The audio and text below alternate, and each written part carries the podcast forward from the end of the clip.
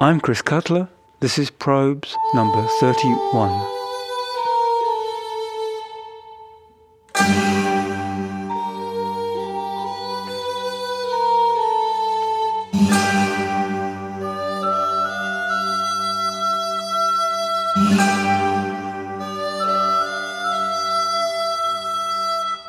Having seen how existing instruments have been extended, modified and repurposed, we now turn to instruments that have been purposefully designed, restricting ourselves initially to acoustic technologies. From as far back as we know, performers and professional instrument makers have been modifying and customizing instruments in response to both individual and cultural pressures. The constant has always been that musical forms and musical instruments have evolved together. In fact, they form an ecology. So in the 10th century, when music was linear, melodic, and mediated by biological memory, most instruments came in a single form. They just did what they did. But by the early 17th century, when the German writer and composer Michael Praetorius compiled his Syntagma Musicum, they had mutated into entire families.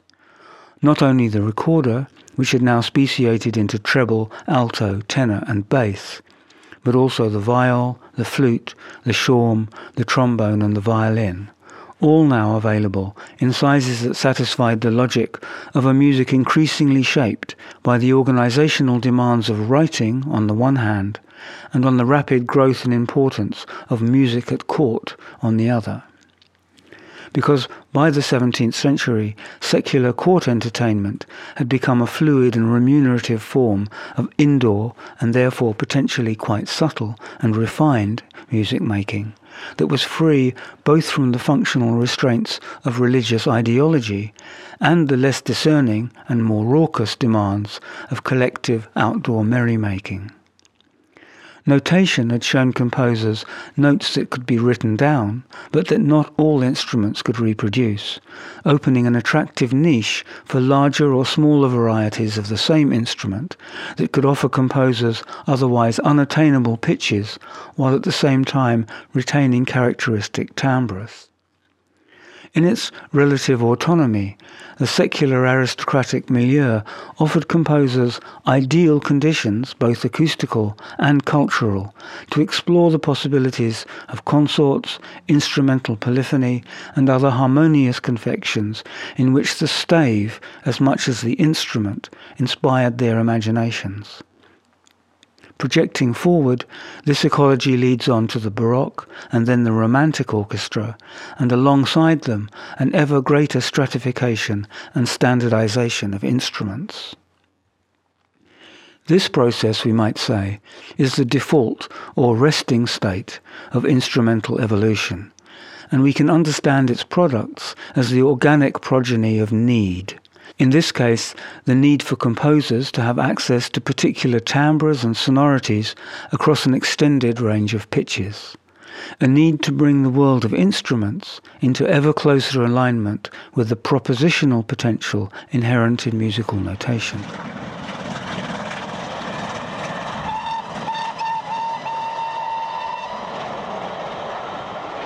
A more radical kind of innovation may arise by way of happenstance and opportunity. For example, instruments in the baggage of sailors or immigrants that find a new niche for themselves in unfamiliar settings. Take the xylophone, for instance, a native first of Asia and then of Africa, whose first sighting in Europe was in 1511 when Arnold Schlick catalogued it as a primitive East European folk instrument.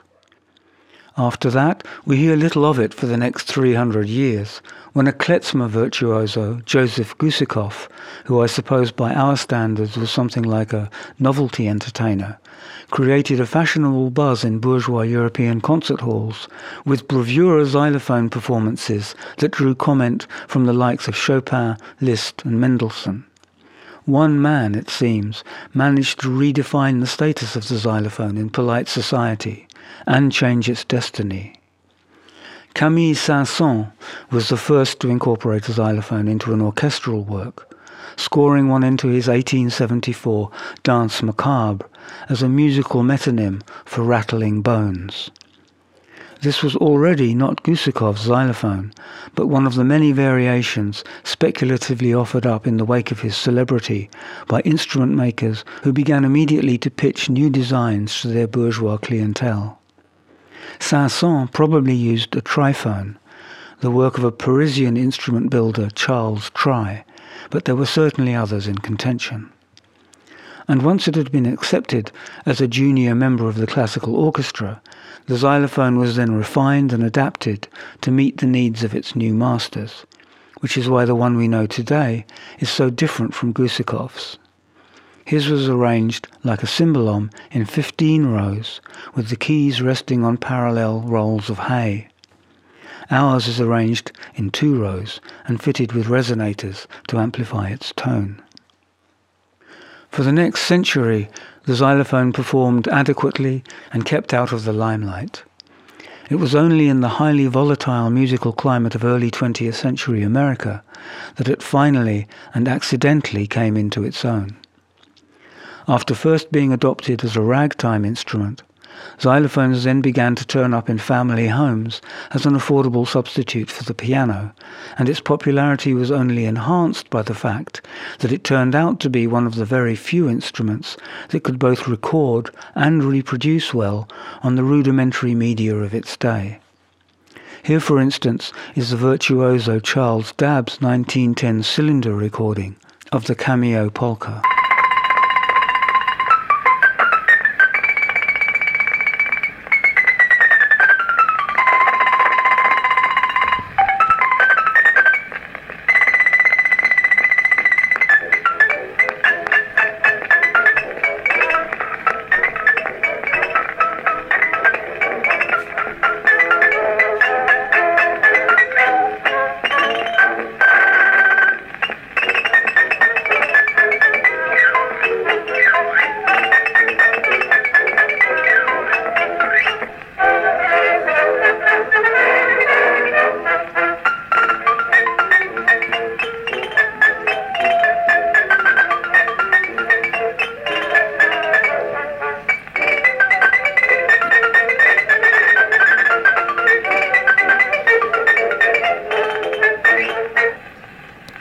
Was the popularity of the xylophone that led the J.C. Deagan Company, a major manufacturer of contemporary xylophones, to expand. Since there was no call to modify the xylophone itself, they tried instead to extend the family.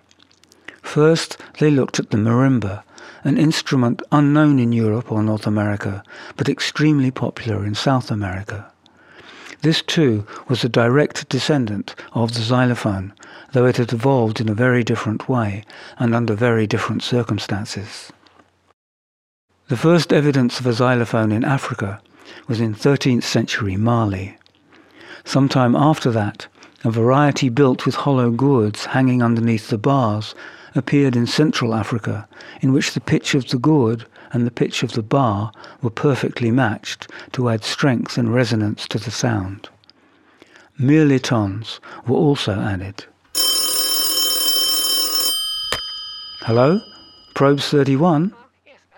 Yes, yes, of course. No, no, I'm, I'm glad you asked. A mirliton is a thin membrane you can fix something to to make it buzz, like a kazoo or a Coman paper. Yes, no, no. Yes. Thanks. No problem.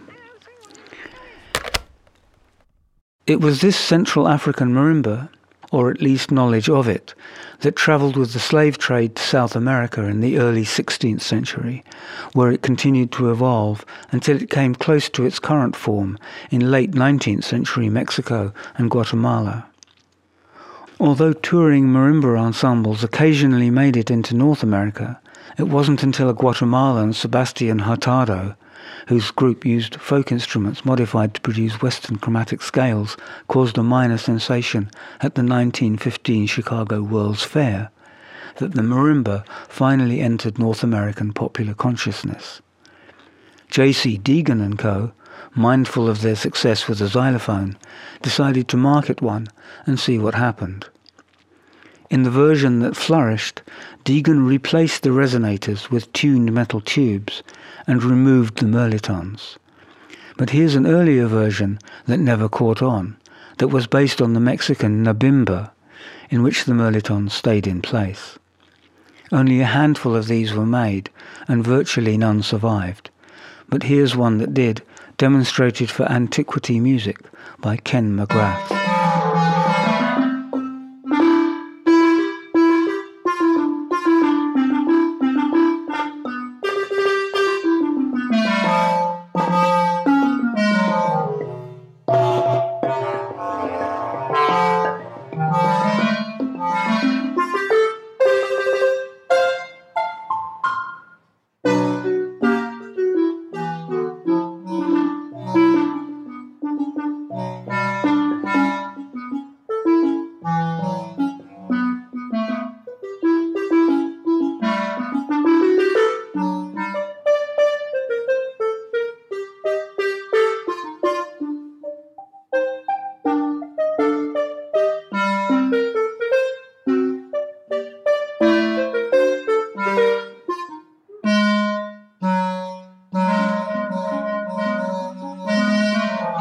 While the Nabimba failed in the marketplace, the marimba succeeded, rapidly joining the xylophone on the vaudeville and popular entertainment circuits.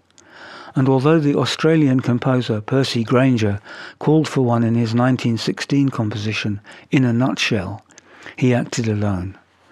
It would be a quarter of a century before the American composer Paul Creston wrote a concertino for the instrument, and that didn't make much impression. Reviewers clearly found the novelty aspect of the xylophone, and by association the marimba, hard to overcome. By 1947, an initially dubious Darius Milhaud had been persuaded to write a double concerto for the marimba and the vibraphone, but this too, though well enough received, was regarded with suspicion, rather unfairly, I think. But it wasn't until Robert Kurka's 1956 concerto, commissioned by Vida Chenoweth, a marimba virtuoso in need of repertoire, that the instrument finally won critical respect. In no small part thanks to Chenoweth's insistence that Kurka take no account of difficulty in his writing.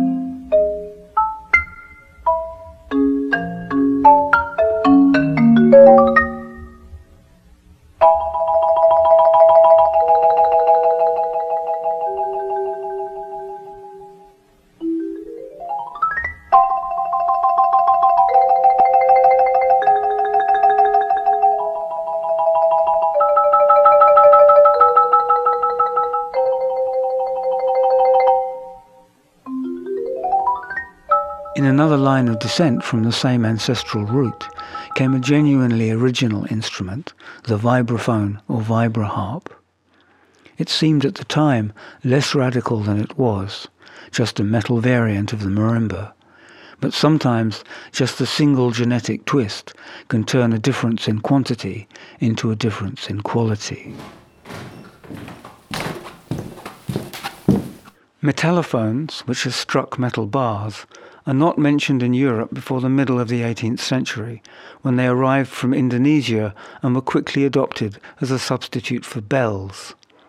Handel used a keyboard operated metallophone in 1739 in his oratorio Saul, and Mozart called for a simpler manual model in 1791 for the magic flute. From the keyboard version came by a tortured route the Celesta, and from the manual version the modern Glockenspiel.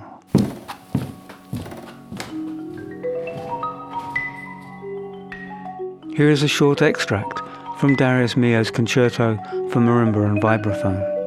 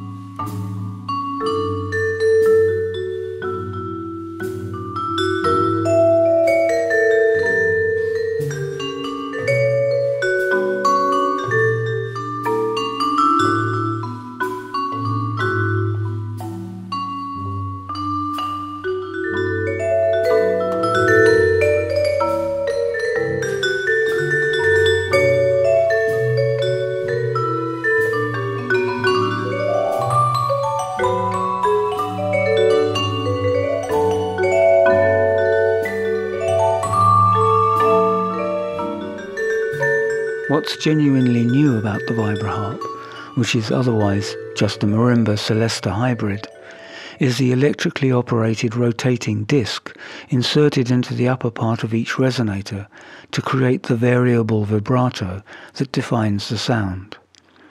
The original vibraphone was designed by Hermann von Winterhoff, who invented and applied a series of different vibrato devices to a three-octave metal marimba built by the Leedy Drum Company, J.C. Deagan's prime competitor, in 1921. Deagan then commissioned his own designer, Henry Schluter, to make a variant.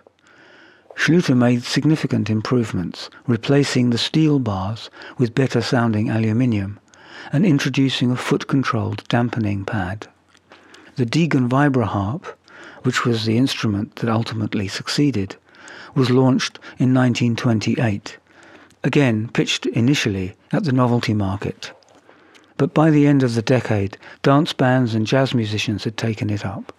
In particular, the percussionist Paul Barbarin, who we hear briefly on this 1930 Louis Armstrong recording, Song of the Islands, where it's used to add colour there's no thought yet that this might be a soloing instrument.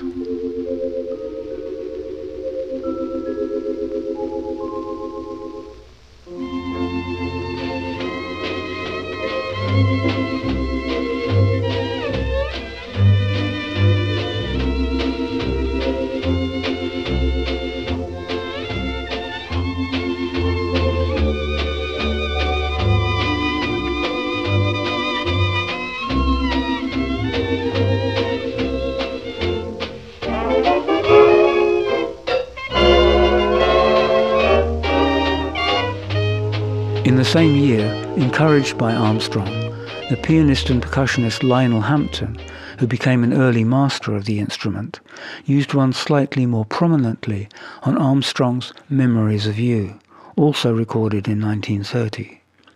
The playing is still minimal, but it's worth listening to this just for the sound, which, thanks to the recording technology of the time, is pretty wild.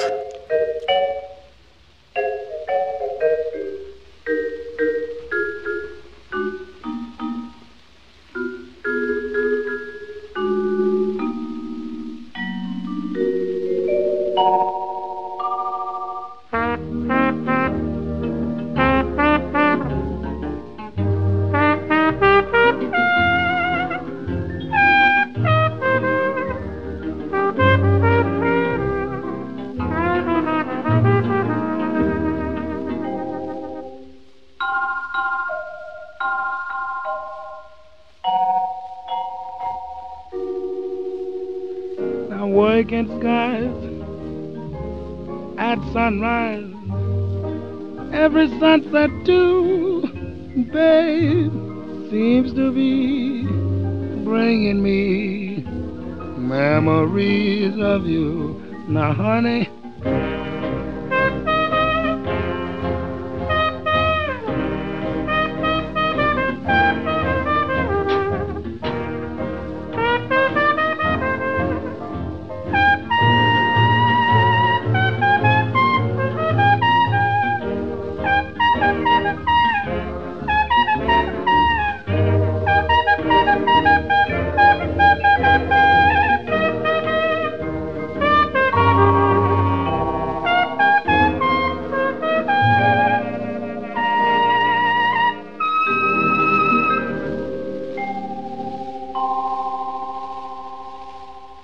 Hampton soon started to use harder mallets and push the instrument into soloing territory, developing a pianistic style that many others followed.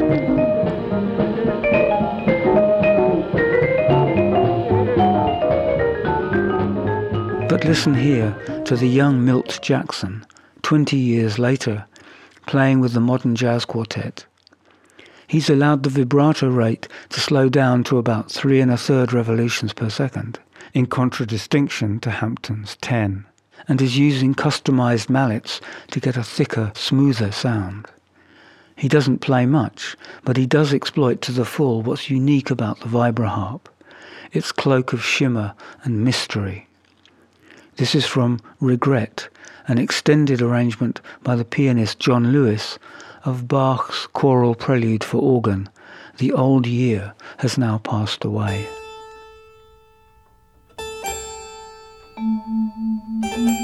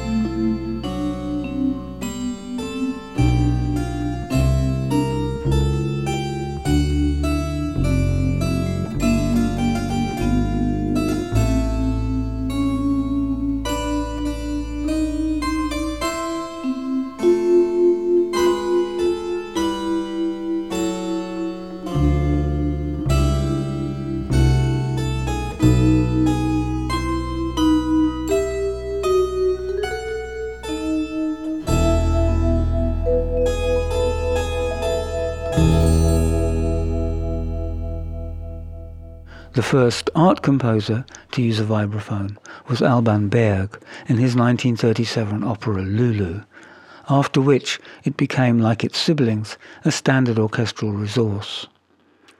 Boulez was a notable convert, but probably the most visionary composition, just because of its intensification of the essence of vibraphonicity, is Karlheinz Stockhausen's 2002 Strahlen scored for 10 tracks of tape, all derived from the vibraphone, and one live instrument. The tapes proceed in simultaneous layers at five different tempi, selected mathematically from a menu of 30, 40, 53.5, 71, 95, 134 and 180 beats a minute. Strahlen, which means rays, constitutes the fifth scene of the opera Sonntag aus Licht.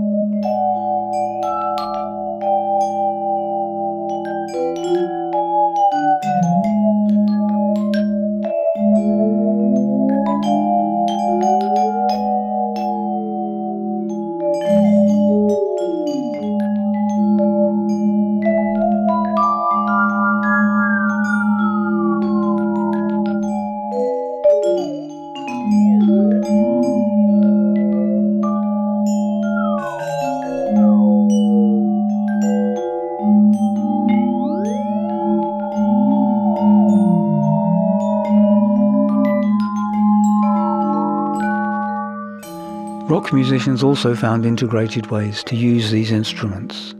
Here's Henry Cow in 1977. I'm afraid this is a very poor cassette recording that was made in the room, but it's all we have because the piece was never officially recorded.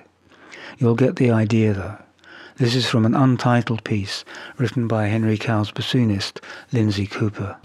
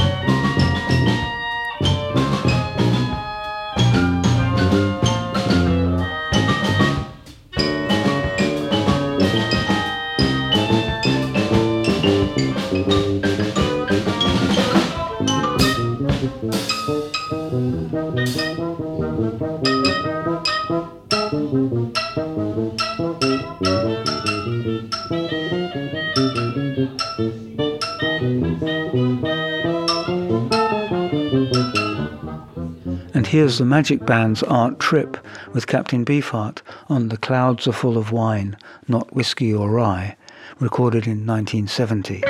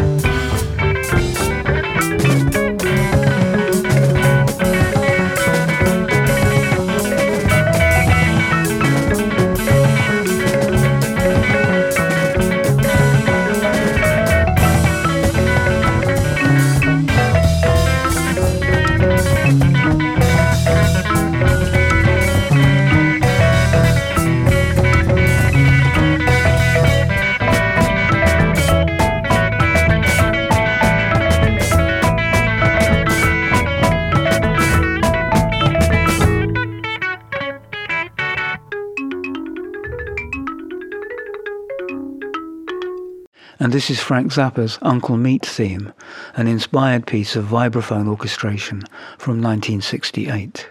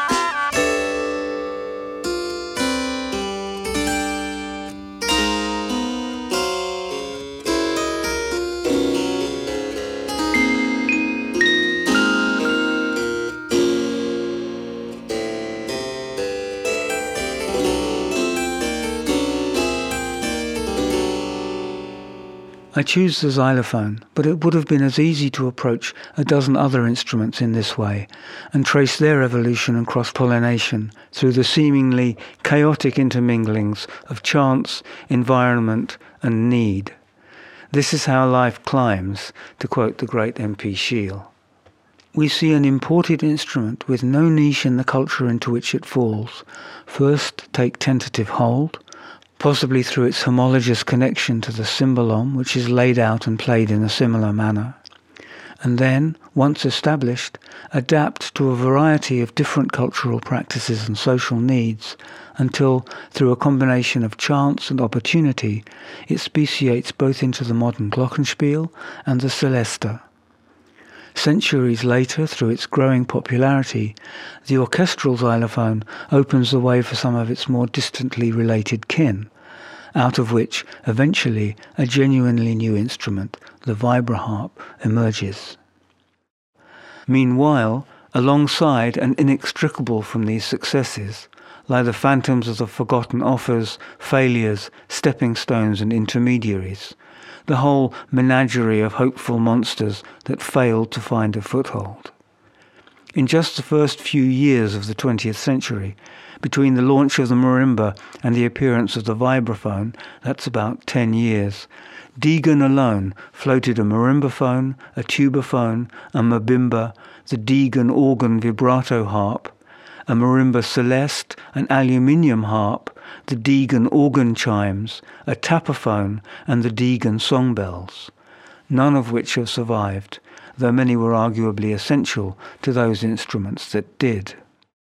Wherever we look, we'll find the same mechanisms, the same peaks and troughs, and the same speciations, hybrids, and extinctions because this is the standard mechanism from which new instruments emerge incrementally out of old.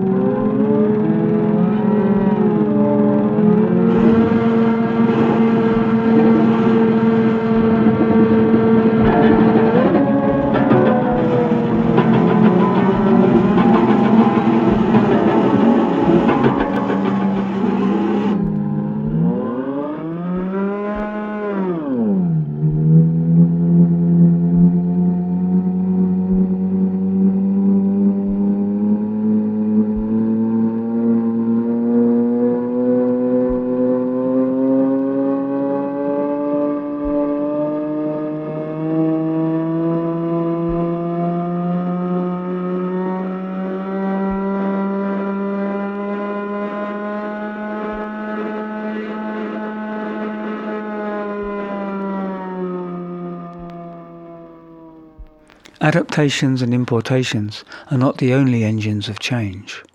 More radical innovations come through instruments that artists and composers invent, not to improve on what's already there, but variously to start again, to explore musical ideas that are unsupported by existing resources, to test new materials, to force new thinking, even, on occasion, just for the hell of it.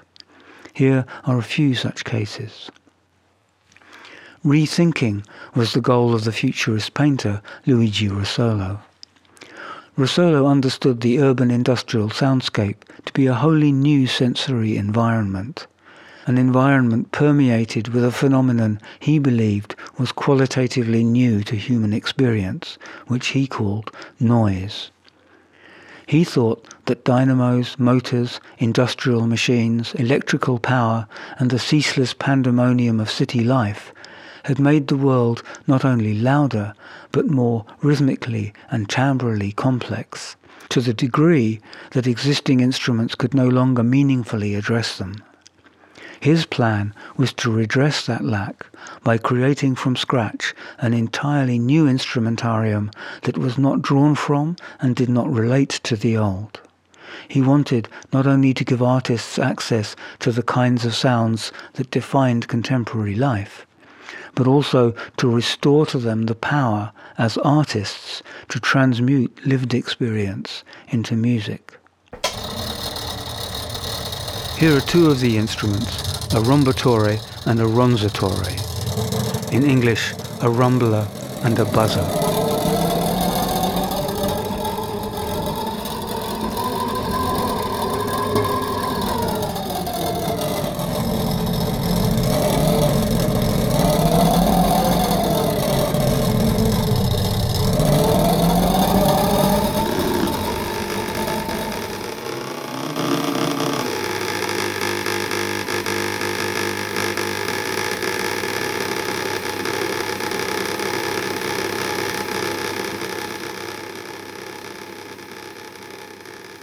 Russolo had already understood that timbre was the issue, not pitch, and that conventional instruments only had access to four basic categories of timbre those produced by bowed instruments, by metal wind instruments, by wooden wind instruments, and by percussion. These were useless, Russolo argued, in the face of a soundscape transformed by new technologies, new sensitivities, and new materials. New categories of sound were needed now, and new instruments had to be invented to deliver them. And these would be real instruments, not mimetic effects. His goal, as he wrote at the time, was to give pitches to these diverse noises, regulating them harmonically and rhythmically, because an art of noises should not limit itself to imitative reproduction. From one of the very few compositions by other composers that call for Russolo's noise machines, this is an extract from Franco Casavola's Il Mercante dei Cuori, which was written for a theatre production in 1927. It's an unreleased concert recording made in 2009 with reconstructed instruments.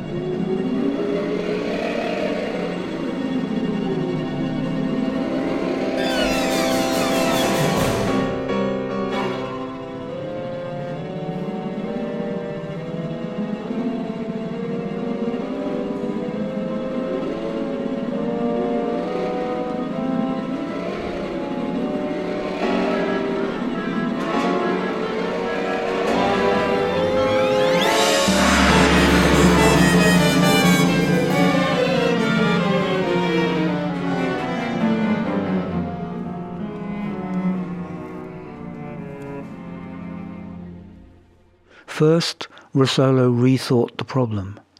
To do this, he had to escape the gravitational field of inherited thinking and construct a new taxonomy of noises for which there was no precedent.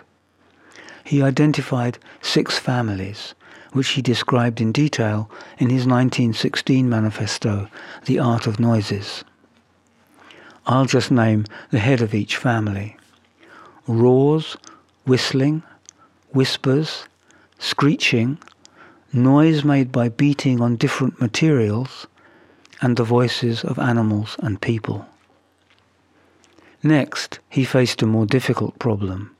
Since wind, pipes, strings, and hammers had already been dismissed as inadequate, creating new timbres would mean the identification of new technologies of sound production. In other words, a complete rethinking from the bottom up. For any normal person, that would have been a daunting prospect. But Russolo was a futurist, and that's what futurists did. So with the help of his friend Ugo Piatti, also a painter, Russolo set to work, and their first instrument, a scoppiatore, or burster, with a slidable pitch range of two octaves, was publicly demonstrated in Modena just three months later. They went on to build 27 other varieties of instruments, collectively known as the Intonarumori, which covered all five of the non-vocal categories of noise. In April 1914, on the eve of war, the first 16-piece orchestra of Intonarumori had its premiere in Milan, featuring three of Russolo's compositions, or, as he preferred to call them, networks of noises. There was the customary riot, and then a short European tour before war put an end to normal life. Russolo survived and continued his musical researches, and although Edgar Varèse and Stravinsky expressed public interest in his instruments, neither composed anything for them. In fact, no meaningful support came from the musical world at all, and then the instruments themselves were lost in the chaos of World War II. Also lost was Russolo's less discussed but arguably more prescient invention, the noise harmonium. The prototype was completed in 1927 and could produce all 12 basic categories of noise, centrally controlled from a standard keyboard. A year later, an updated version was installed in Studio 28 in Paris and used mainly to accompany silent films. No recordings were made, and the instrument is now lost.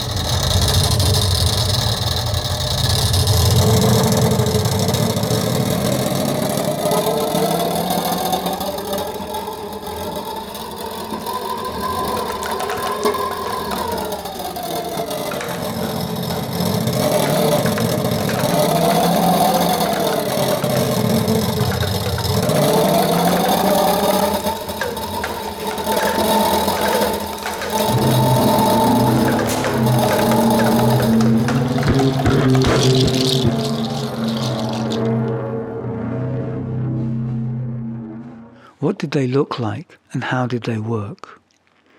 Well, they didn't look much like musical instruments.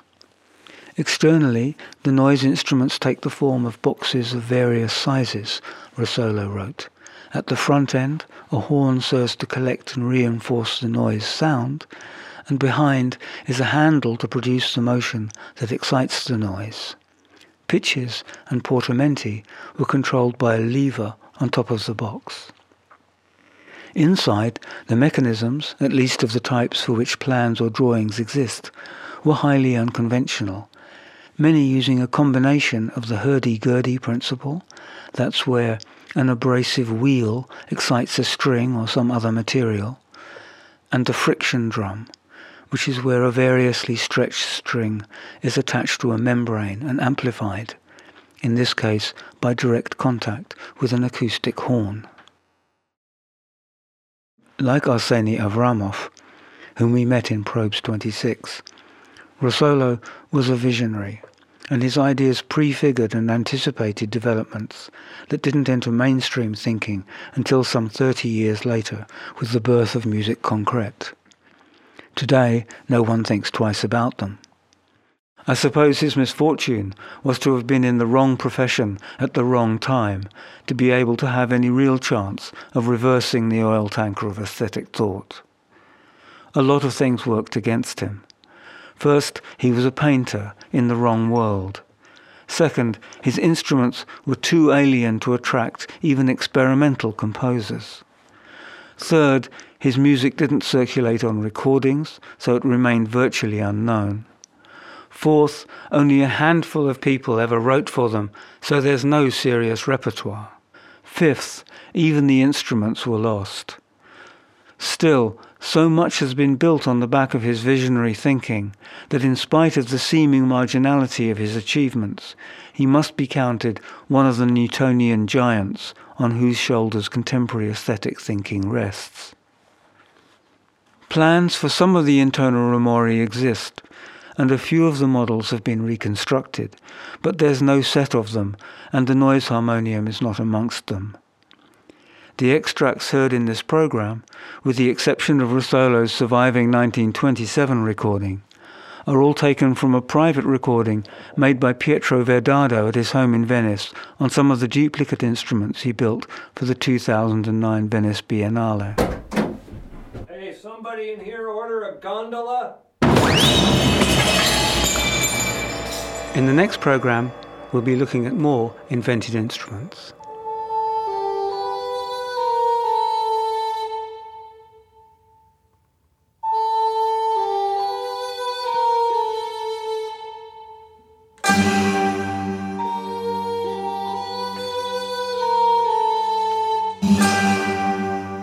I'm Chris Cutler.